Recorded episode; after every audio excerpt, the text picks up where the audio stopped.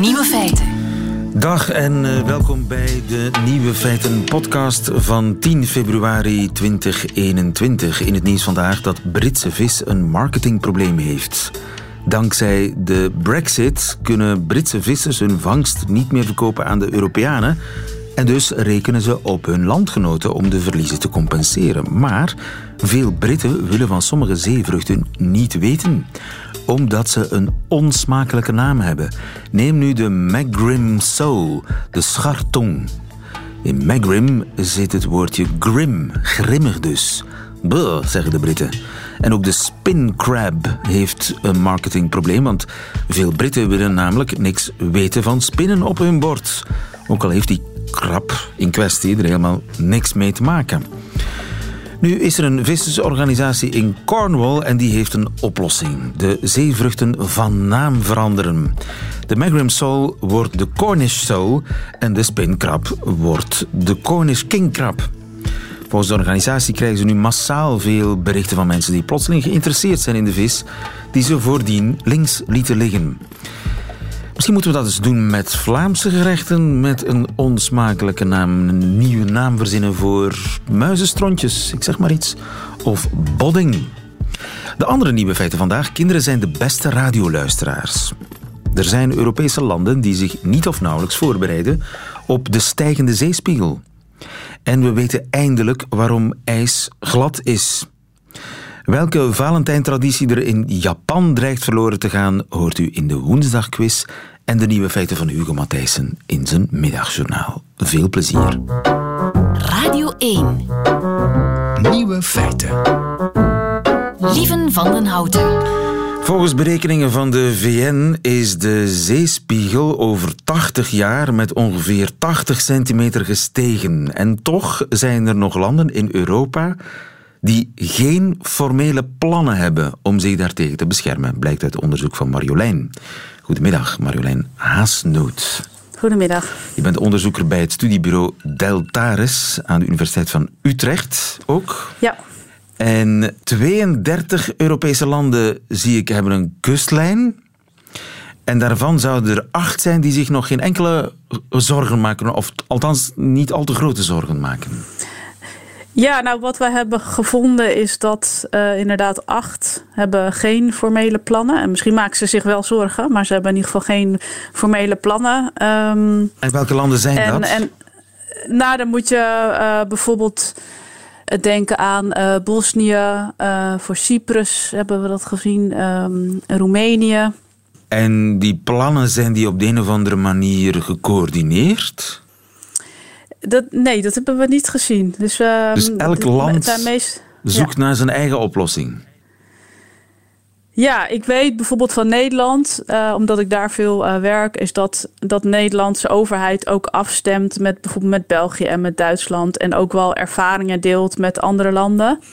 Maar of de officiële uh, coördinatie is vanuit Europa, dat is mij niet bekend. Ja, en zou dat niet bij uitstek een probleem kunnen zijn, de stijgende zeespiegel, een probleem dat Europees gecoördineerd wordt en aangepakt? Nou ja, wat je ziet is dat uh, een groot. Hè, er zijn best wel wat uh, uh, gebieden die kwetsbaar zijn voor overstroming vanuit zee. En een deel bereidt zich dan voor en een deel niet.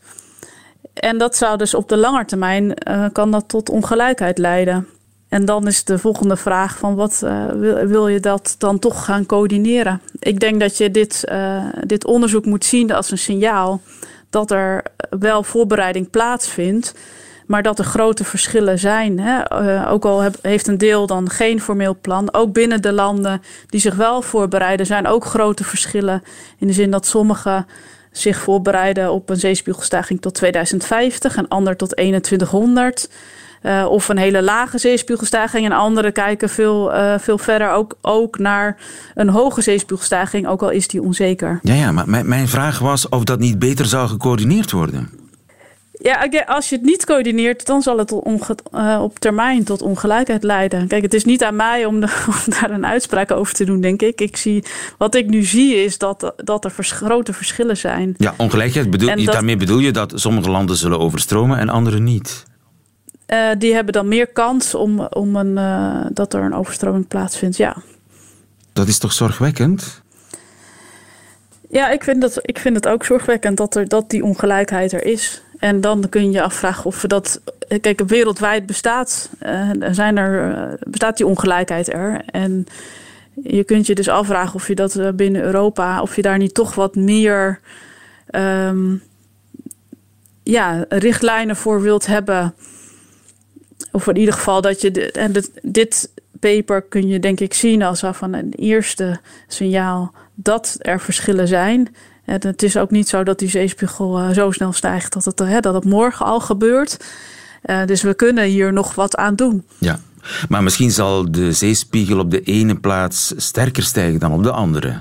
Ja, dat is ook het geval. Dat klopt. Um, dus, er zijn verschillen. Er zijn ook een delen van Noor, uh, Noord-Europa. Uh, dan hebben we nog te maken met een, uh, ja, een, een stijging van het land zelf hè, na de ijstijd. Um, dus lokaal kunnen er zeker verschillen zijn. Maar dan nog, als je kijkt naar van hoeveel mensen er dan nog kwetsbaar zijn voor een overstroming, dan daarbinnen heb je dus nog verschillen. Ja, en met Europa bedoel je natuurlijk het hele continent. Daar bedoel je niet de Europese Unie mee. Nee.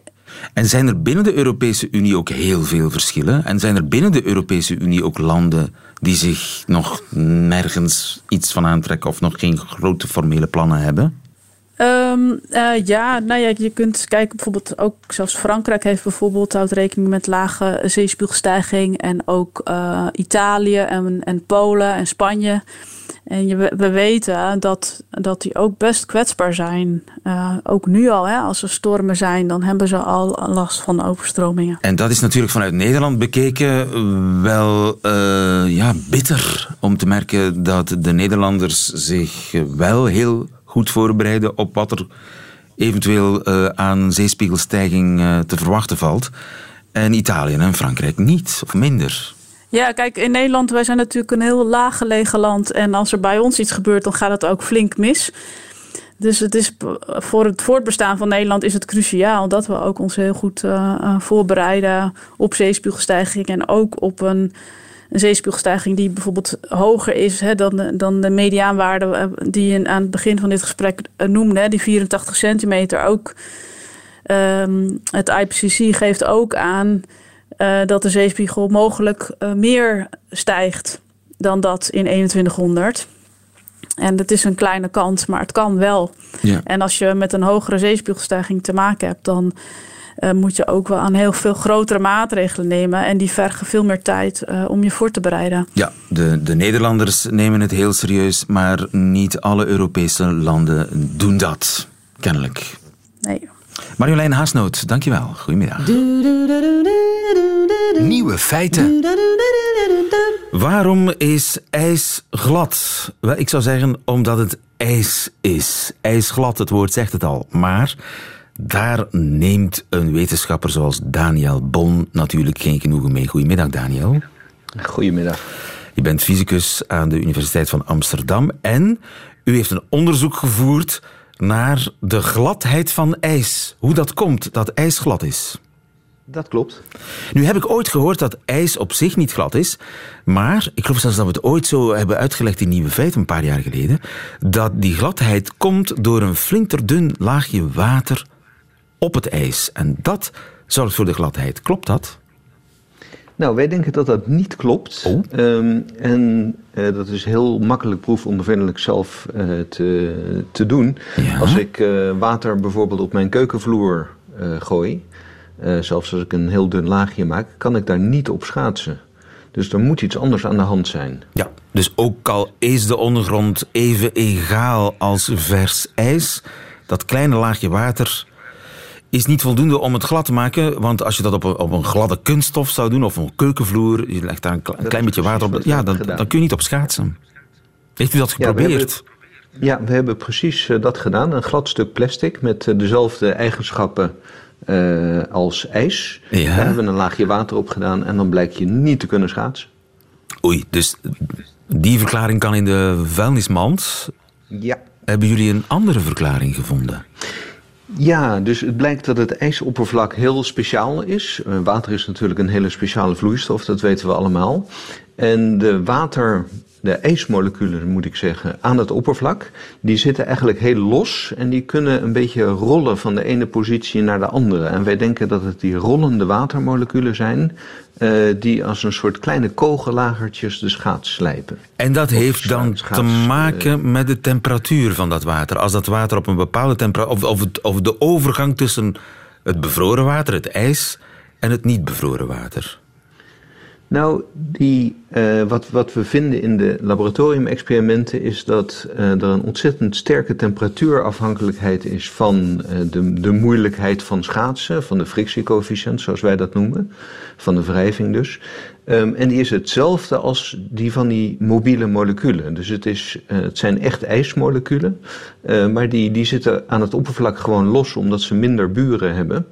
Uh, en als je naar hele lage temperaturen gaat, dus bijvoorbeeld naar min 100, dan kun je ook niet meer schaatsen. Dat vinden wij in het, uh, in het laboratorium. Dat uh, hebben we niet proefondervindelijk buiten gedaan bij min 100. Yeah. Maar bij min 100 zijn die moleculen zo langzaam aan het oppervlak dat het, dat het niet meer als smeermiddel voor de schaats kan fungeren. Dus ijs van min 100 graden, daar kun je nooit op schaatsen? Nee, dat, uh, dat is eigenlijk hetzelfde als uh, proberen te schaatsen op je keukenvloer. Ja, maar voor alle duidelijkheid, het is dus niet oh, uh, geen laagje water, ook geen raar laagje water. Het is echt de bovenste laag van het ijs, waar die, die, die moleculen een beetje losser zitten als een soort van knikkers, waar je over kunt ja, glijden. Over knikkers kun je ook glijden. Precies, dat is, dat is dus inderdaad het beeld wat wij, wat wij in gedachten hebben. En het is natuurlijk heel moeilijk als je het over één laagje hebt om te besluiten of dat laagje vloeibaar water is of vast ijs. Maar wat, we, wat we zien in computermodellen is dat die rollende moleculen wel degelijk van kristalpositie naar kristalpositie gaan rollen. Uh, en niet in een, in een wan, op een wanordelijke manier als het een laagje water zou zijn. Dus je ziet het echt rollen. Je ziet die kristallen gewoon rollen in laboratoriumsituatie. Nee, dat, dat zijn computersimulaties. Want we kunnen natuurlijk heel moeilijk in het laboratorium, terwijl we schaatsen, naar individuele moleculen kijken. Uh, dat zouden we heel graag willen, maar dat lukt nog niet. Uh, dus dat doen we in de computer. Ja, het blijft een computersituatie, een simulatie. Is er een ideale schaatstemperatuur? Is er een temperatuur waarop die knikkers het lost liggen? Als het ware? Ja, je zou uh, uit de eerste experimenten uh, verwacht je dat uh, hoe hoger de temperatuur, hoe losser die moleculen zitten en dus hoe makkelijker je schaatst. En dat is inderdaad ook zo, maar als je heel dicht bij het smeltpunt komt, dan weten we allemaal dat het ijs zacht wordt. En dan ga je ploegen met je schaats door het ijs en dat wordt dan weer heel zwaar. En dus als je die twee effecten bij elkaar optelt, dan krijg je een optimum schaatstemperatuur van ongeveer min 7 graden. En de ijsmeesters van de schaatsbanen die weten al jaren, misschien zelfs al eeuwen, dat het beste ijs, uh, uh, het snelste ijs ook bij min 7 graden is. Dus we begrepen nu waarom die ijsmeesters dat op min 7 houden. We weten nu ook waarom min 7 graden het snelste ijs oplevert. Precies. Dankjewel Daniel Bon. En we gaan schaatsen met, met het plezier. London Philharmonic. Alsjeblieft. Dankjewel. Nieuwe feiten. Woensdagquiz. De meer dan meedogenloze woensdagquiz van Nieuwe Feiten, waarin te winnen valt een boekenbon van 25 euro die u verzilvert bij de onafhankelijke boekhandelaar aangesloten bij Confituur. Ik heb een jury, dat is Gilles. Dag Gilles. Eh, niet alleen jury, maar ook bedenker van de Nieuwe Feitenquiz. Je hebt allerlei nieuwe feiten gesprokkeld de mm -hmm. voorbije dagen. Om die voor te leggen aan onze kandidaten. Ik speel met Patrick. Goedemiddag, Patrick. Goedemiddag. Goedemiddag. Patrick uit, uit, Mol, wat was je aan het doen, Patrick? Ik was met de bus aan het rijden. Met de maar bus? Stond ik wel stil. Ja. Met de bus? ja, ik rijd deeltijds met de bus en ik ben er ook nog uh, daarnaast de uitbater van een dansding in, in Molpostel, waar tegenwoordig niet zoveel volk mee komt. Maar dat is allemaal wel beter dus zeker. je rijdt voorlopig alleen nog met de bij de lijn of wat? Eh, dat is voor een andere aanneming die dat voor de lijn rijdt. Oké, dus Patrick eh, in een bus waarop staat de lijn. Nick, goedemiddag. Goedemiddag. Wat was jij aan het doen, Nick? Ik ben net met mijn bestelwagen de oprit van een klant opgereden. En die staat nu vreemd Te te kijken popelen. waarom ik niet Te uitstap. popelen. Nick Majeu uit Kuurne in een bestelwagen. Patrick Loods uit Mol in een bus. Ja. Ik heb voor jullie vier meer keuzevragen. We beginnen bij Patrick, die zich eerst heeft gemeld. Eh, zolang Patrick, eh, jij juist antwoord, blijf je aan de beurt. Bij een fout antwoord mag je tegenkandidaat Nick een poging doen. Wie het laatste juiste antwoord heeft gegeven, die wint. Jullie zijn er klaar voor? Dat Ja. gaan we proberen. Een verbod voor Franse werknemers wordt binnenkort tijdelijk opgeheven. Wat is binnenkort tijdelijk toegestaan voor Franse werknemers? A. Bellen met familieleden tijdens de werkuren. B. Eten aan hun bureau. C. In comfortabele huiskledij komen werken. Patrick, wat denk je? Ehm, die kledij, dat zal wel niet zijn. Ik denk eten aan hun... Eten Bureau. aan hun bureau, zeg jij? Dat is helemaal goed. In Frankrijk was het tot nu toe verboden om achter je bureau te eten. Werkgevers die dat toestonden konden een boete krijgen. Dat was zo afgesproken met de vakbonden. Hè, om de middagpauze, de heilige middagpauze te respecteren. Maar door de coronacrisis wordt die regel tijdelijk opgeschort. Omdat je op die manier beter de afstandsregels kunt respecteren. Minder besmettingen, ja. Patrick, goed geantwoord. Ik blijf bij jou. Vraag 2. Waarom werd een Britse vrouw vorige week in Dubai gearresteerd? A. Ze had tegen haar huisgenoot fuck you gezegd. Ik zeg verboden woorden op de radio, ik kan niet anders. Maar dat is antwoord A. Mogelijkheid B. Ze dronk een glas alcoholvrij bier. C. Ze had een driekwartsbroek aan. Te onkuis volgens de lokale zedenpolitie. Patrick. Eh, ik ga voor eh, antwoord B. Antwoord B. Fout. Dat betekent, Nick, dat jij ook een, eh, een kans krijgt. Wat denk jij? Ik denk A. Je denkt A. Dat is helemaal goed.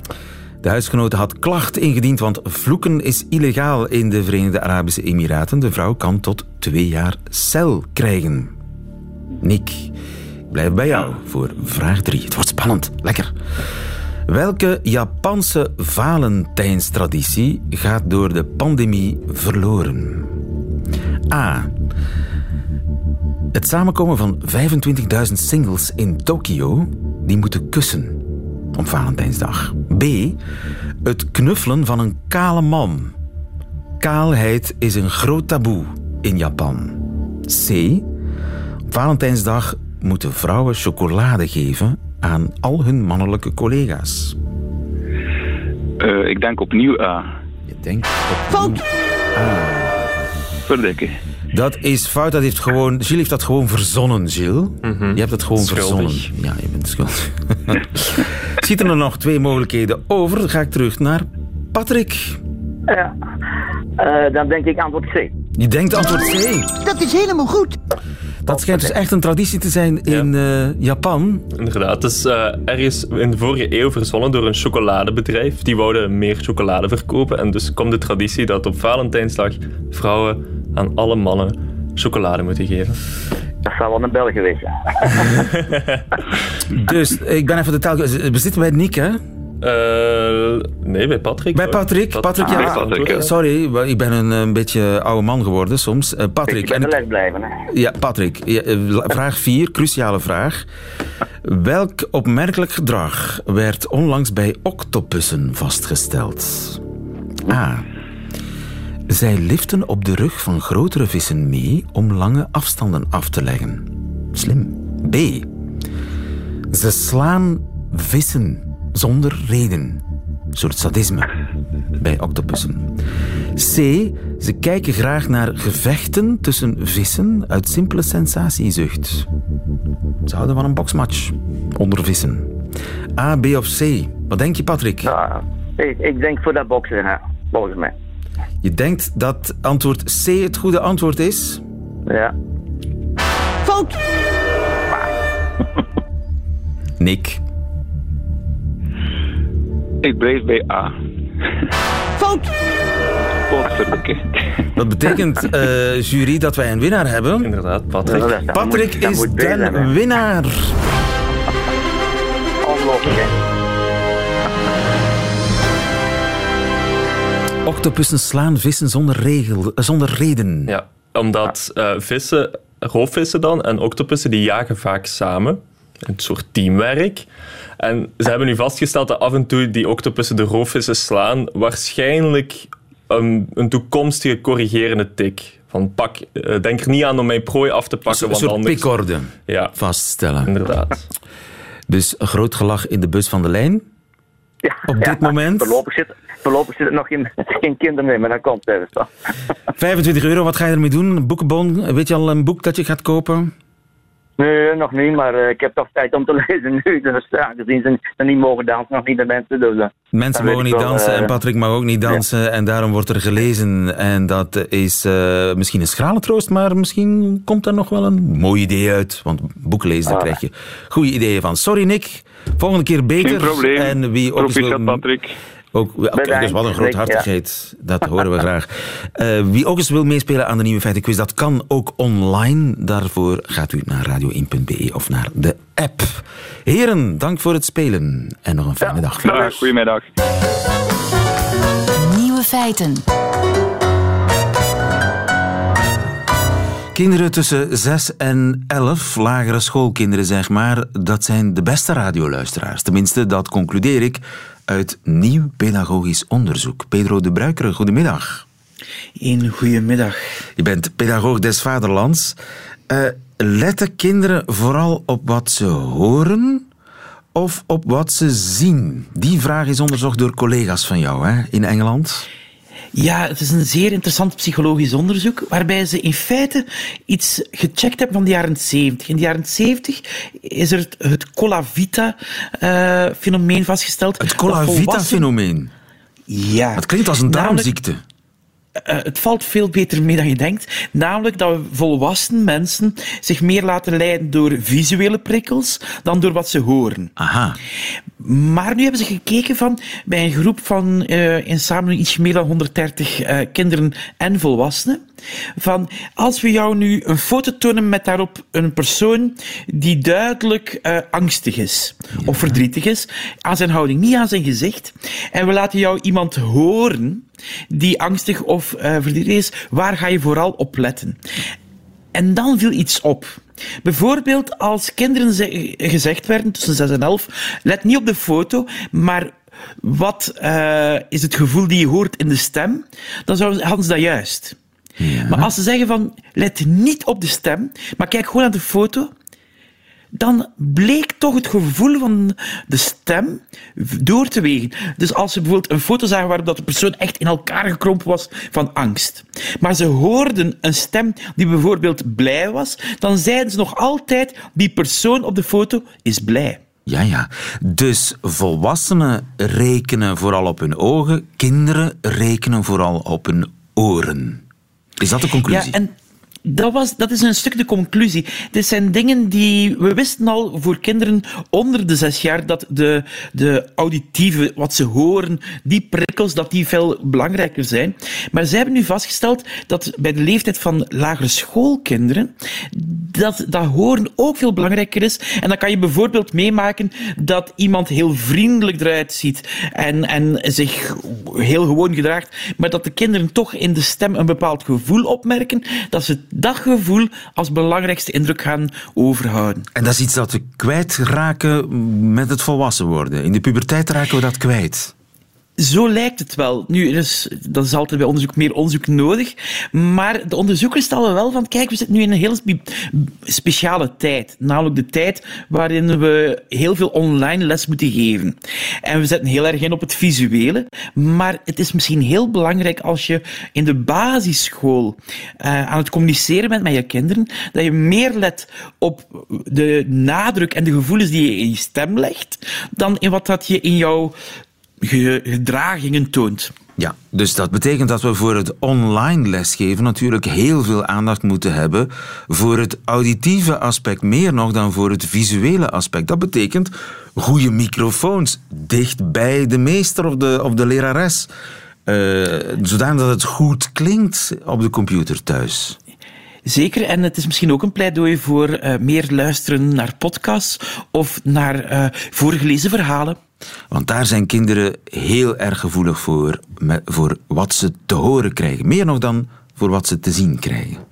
Dat blijkt toch, of dit suggereert toch dit onderzoek inderdaad. Het omgekeerde Cola Vita-effect, als het ware.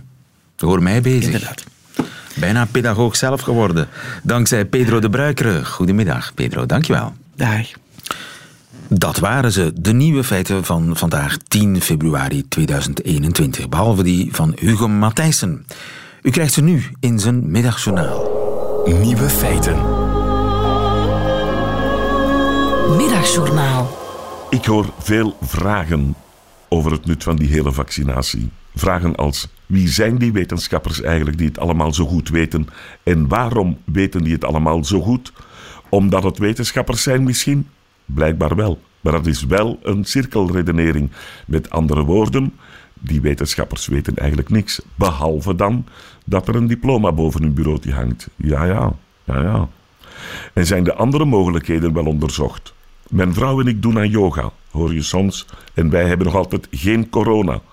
Daar mag je toch wel conclusies uittrekken, of niet? Yoga is geen wetenschap, wordt dan opgeworpen. Oké, maar yoga is wel veel ouder dan de westerse wetenschap. Ja, ja.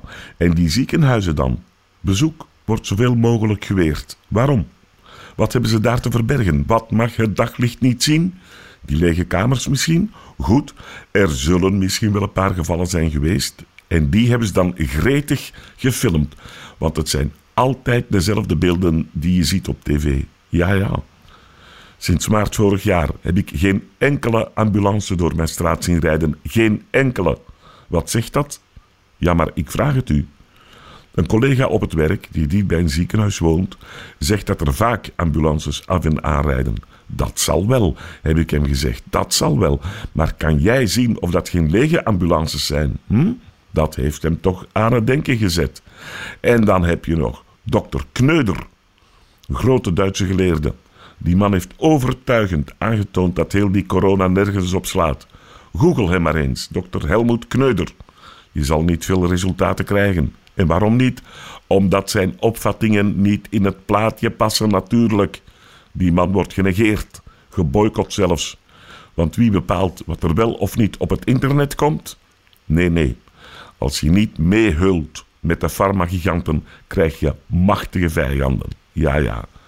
En probeer maar eens in het openbaar te zeggen dat je niet in die vaccins gelooft. Dat zal je niet lukken, want er is helemaal geen openbaar meer. Maximum vier man op een wandelingetje in de vrieskou. Daar is verdomd goed over nagedacht, over de meest effectieve methode om het democratische debat totaal onmogelijk te maken. Ja, ja. En de mensen worden onvruchtbaar van dat vaccin, dat weet je toch. En die moeten dan allemaal naar een vruchtbaarheidskliniek, elk jaar honderdduizenden. Die krijgen dan allemaal identieke embryo's ingeplant die door de bio-industrie werden ontworpen. Dit jaar maken we leerkrachten, arbeiders en zeelieden. Volgend jaar worden er alleen administratieve medewerkers geboren. Dat is namelijk een knelpuntberoep. Als ouder heb je daar niks over te zeggen. Wil je geen administratieve medewerker op het verzorgingskussen? Ook goed, dan blijf je maar kinderloos. De volgende graag. Ik zei het al, er zijn veel vragen over de vaccinatie, maar men stelt zich ook veel vragen over de affaire De Pauw en over het vertrek van Klaasje bij K3. Er is een andere grote Duitse geleerde die heeft aangetoond dat die drie dingen veel meer met elkaar te maken hebben dan je zou denken. Dr. Wilhelm Kneutscher. Je moet hem maar eens googelen. Je zal amper resultaten vinden. Ja, ja, dat toont nog maar eens aan dat de man gelijk heeft. Ja, ja, ja, ja.